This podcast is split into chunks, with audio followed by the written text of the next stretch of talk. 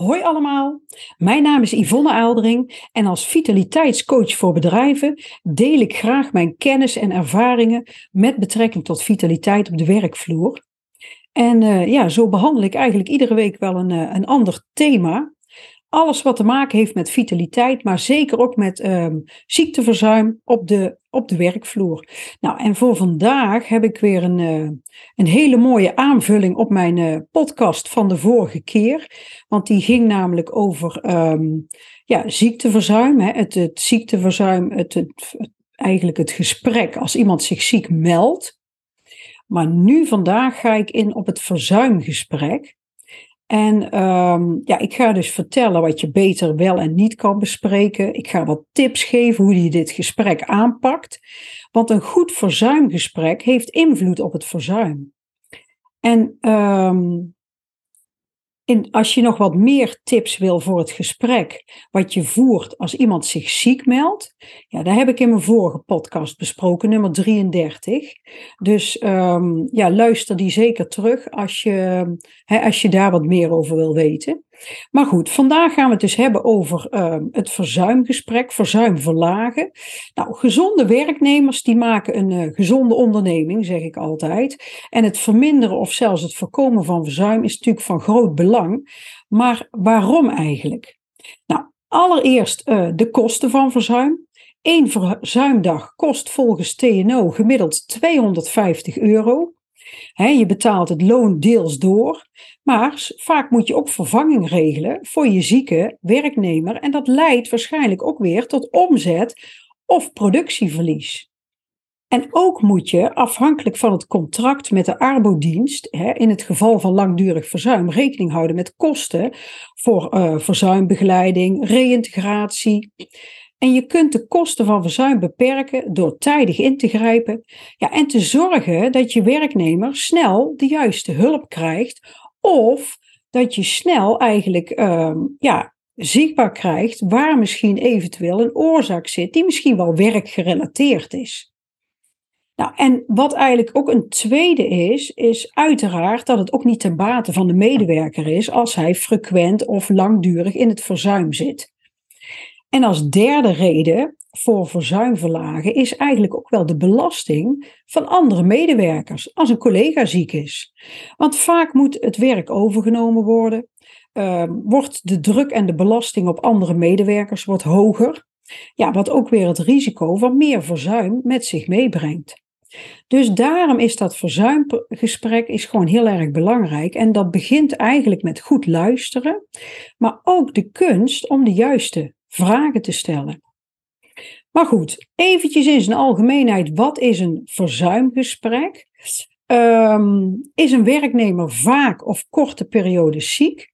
dan noemen we dat vaak kort frequent verzuim. En um, ik heb bijvoorbeeld zelf heb ik, uh, werk ik voor een bedrijf waar ik coach. En zij hanteren als een werknemer op jaarbasis drie keer verzuim heeft. Dan moet de werknemer verplicht een gesprekje met mij als leefstijlcoach aangaan. En we bekijken dan wat er nog valt te verbeteren in de leefstijl.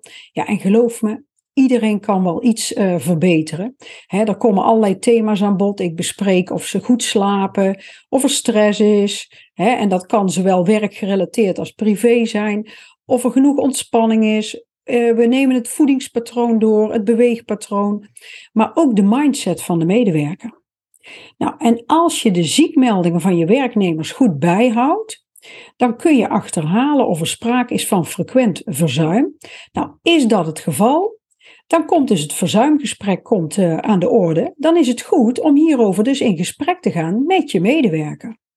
Want um, het kan een teken zijn dat hij zich niet prettig voelt uh, binnen het team, binnen het bedrijf of in zijn functie, of dat er specifieke dingen privé spelen. Nou, en door tijdig dat gesprek aan te gaan, dan kan je langdurig verzuim misschien wel voorkomen. Nou, en het verzuimgesprek is voor veel leidinggevenden uh, is dat toch heel lastig. Zo'n verzuimgesprek voeren, dat voelt misschien spannend, maar het laat juist zien dat u aandacht heeft voor uw medewerker. en dat, dat je zijn gezondheid heel belangrijk vindt. Maar let op, je mag niet zomaar alles vragen. Je mag als werkgever bijvoorbeeld niet informeren naar de aard en de oorzaak van de ziekte. En als je zieke werknemer uit zichzelf vertelt wat er aan de hand is, dan mag je dus ook die, hè, die medische informatie mag je niet vastleggen. Hè, dat is een privacybescherming. En je mag dus ook geen diagnose stellen, je mag geen medisch advies geven of andere adviezen. Hè, je mag niet oordelen als werkgever of als leidinggevende, terwijl je misschien wel allerlei goed bedoelde adviezen hebt. Misschien ligt het wel om je lippen om wat tips te geven. Nou, wat verder heel belangrijk is in dat uh, ziekteverzuimgesprek, is uh, durf ook gerust stiltes te laten vallen, want dat geeft de ander de ruimte om aan jou uh, zijn of haar verhaal te doen. En ja, dat kan natuurlijk toch wel weer belangrijke informatie opleveren waar je misschien wat mee kan. Nou, en als jij uh, je, regel, je werknemers regelmatig spreekt, dan weet je vaak ook wel hoe het met die werknemers gaat. Um, en dat is eigenlijk ook al een heel essentiële tip om verzuim te voorkomen.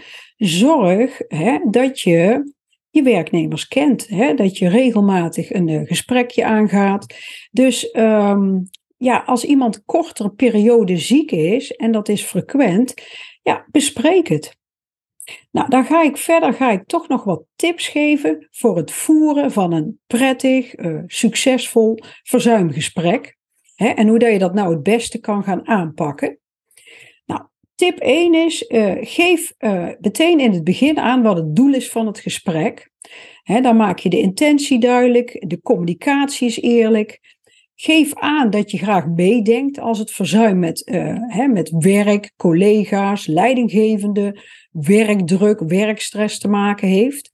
Want dan haal je de spanning weg bij de werknemer.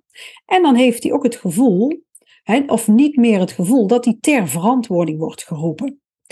Uiteraard is het wel belangrijk, als je aangeeft dat die ruimte er is, dat je ook met die oorzaken aan de slag wil gaan, want anders heeft het uh, weinig zin. Nou, tip 2 is de kunst van vragen stellen, maar dat begint met luisteren. als jij uh, je werknemer begrijpt, is er natuurlijk ook eerder begrip voor jou als werkgever of als leidinggevende. En um, ja, wat is nou een goede vraag? Een open vraag. Hè? Hoe, wat, wie, waar, um, in hoeverre. Dus um, stel open vragen dat je niet alleen maar ja of nee als antwoord krijgt, maar dat je ook meer informatie krijgt, want daar kan je vaak wat mee. Nou, en vraag dan ook weer niet naar medische oorzaken of symptomen. Oordeel ook niet over wat de werknemer vertelt. Probeer het zo uh, neutraal mogelijk te houden. Ja, en tip 3 is eigenlijk durf stiltes te laten vallen. Want zo krijgt de ander de kans om na te denken, maar ook, en om zijn reactie te formuleren, maar ook de ruimte om dingen te delen die misschien spannend, persoonlijk of confronterend zijn voor het bedrijf of voor uh, de leidinggevende valt, vat het gesprek ook goed samen. Dat is tip nummer vier. En dan kan je ook tussendoor doen. Gewoon even kort wat dingen samenvatten. Begrijp ik het goed dat? Hè? En uh, som even op. Want als je een samenvatting geeft, een overzicht van de onderwerpen die besproken zijn, hè, dat geeft ook heel veel uh, duidelijkheid. En um, dan kan je van daaruit eventueel weer naar een ander onderwerp, hè, wat je gaat bespreken. Nou, die samenvatting geeft natuurlijk de medewerker ook het gevoel dat hij uh, gehoord wordt hè, en dat je geluisterd hebt. En ook krijgt hij de kans om eventueel dingen uh, ja, aan te vullen of te verbeteren. Hè, of aan te geven dat het uh, ja, misschien niet juist overgekomen is. En daar voorkomt ook heel veel misverstanden. Eventueel ook later in het proces. Of um, ja, als je vaker een gesprek hebt. Dus dat is heel belangrijk. Nou, tip 5 is: vraag door en haal concrete antwoorden boven tafel.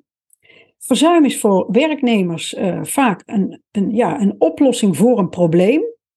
En dit probleem kan medisch zijn, maar het kan ook een andere reden hebben. Ik zei net al, het kan ook werkgerelateerd zijn.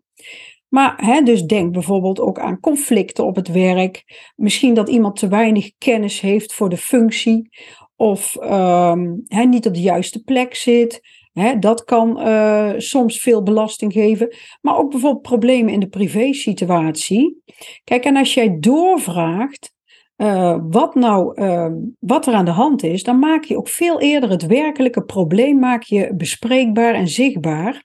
En dan kan je ook veel gerichter gaan zoeken naar een oplossing of meedenken of eventueel daarop uh, ja, maatregelen nemen. Nou, tip 6 is: vraag ook of de medewerker meedenkt aan eventuele oplossingen. Of vraag aan de medewerker: wat zou voor jou een wenselijke situatie zijn? Wat zou je anders willen zien? En dit zal je als leidinggevende misschien niet altijd kunnen bieden, maar vaak is er wel wat mogelijk of kan er tijdelijk iets aangepast worden ter ontlasting, hè, waardoor het uh, misschien toch makkelijker wordt voor de medewerker. En soms krijg je als leidinggevende ook ideeën waar je zelf niet aan gedacht hebt. Want met twee personen weet je meer dan met één.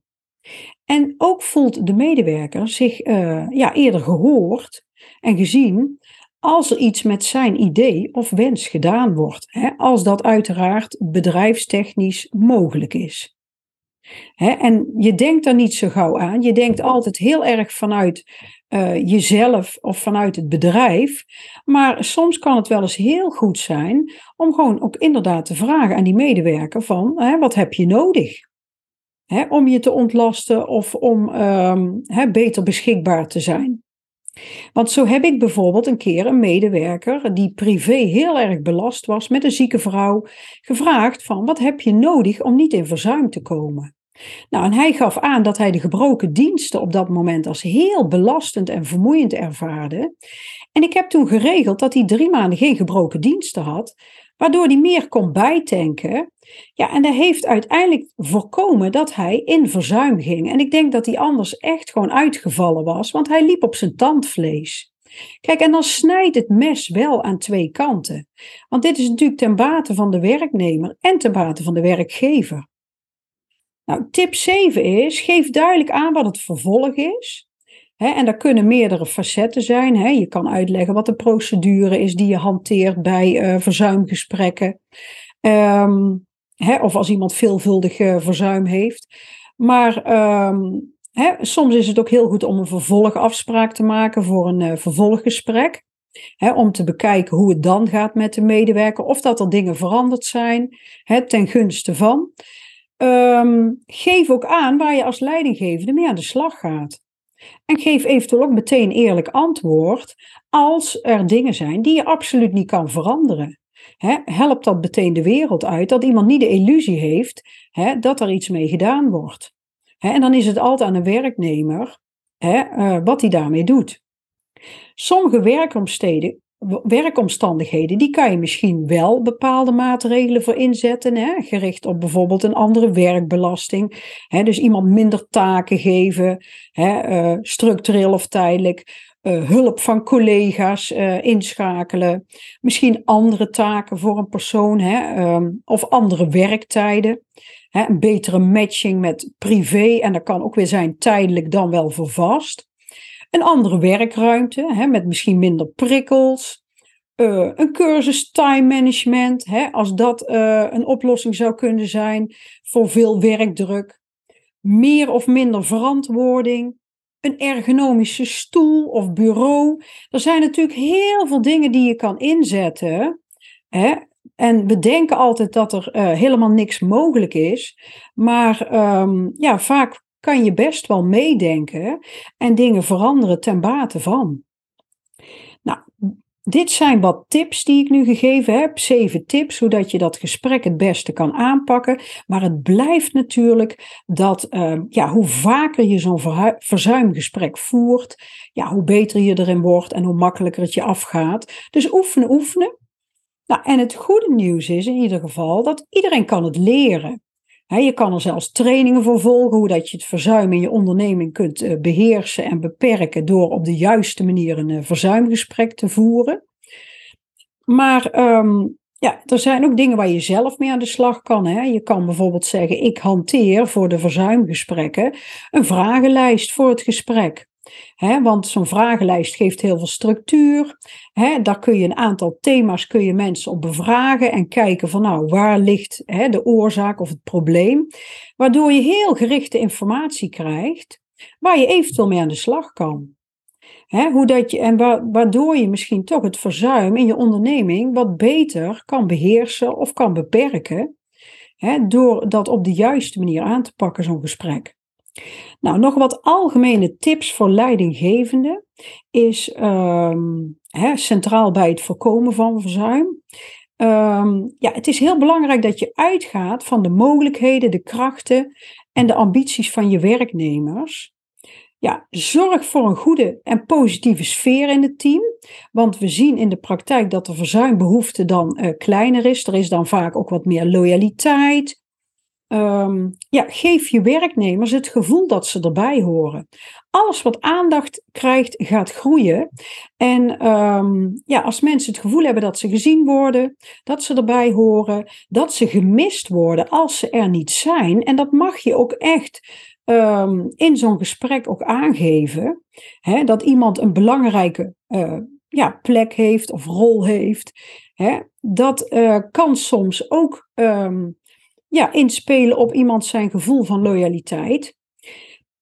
Nou, wat ook heel belangrijk is, voer regelmatig het goede gesprek met elkaar. Want als je dat doet, je kent je medewerkers, je weet wat er speelt. Ja, dan zie je dat uh, de verzuimbehoefte vaak um, hè, dat, die, um, ja, dat die veel minder is. En um, de kunst is om ook natuurlijk hè, het gesprek aan te gaan, niet pas als er al sprake is van verzuim want soms kan je al eerder dingen signaleren en ermee aan de slag gaan. En dat voorkomt natuurlijk verzuim. Ja, geef positieve feedback aan je werknemers en spreek ook echt je waardering uit.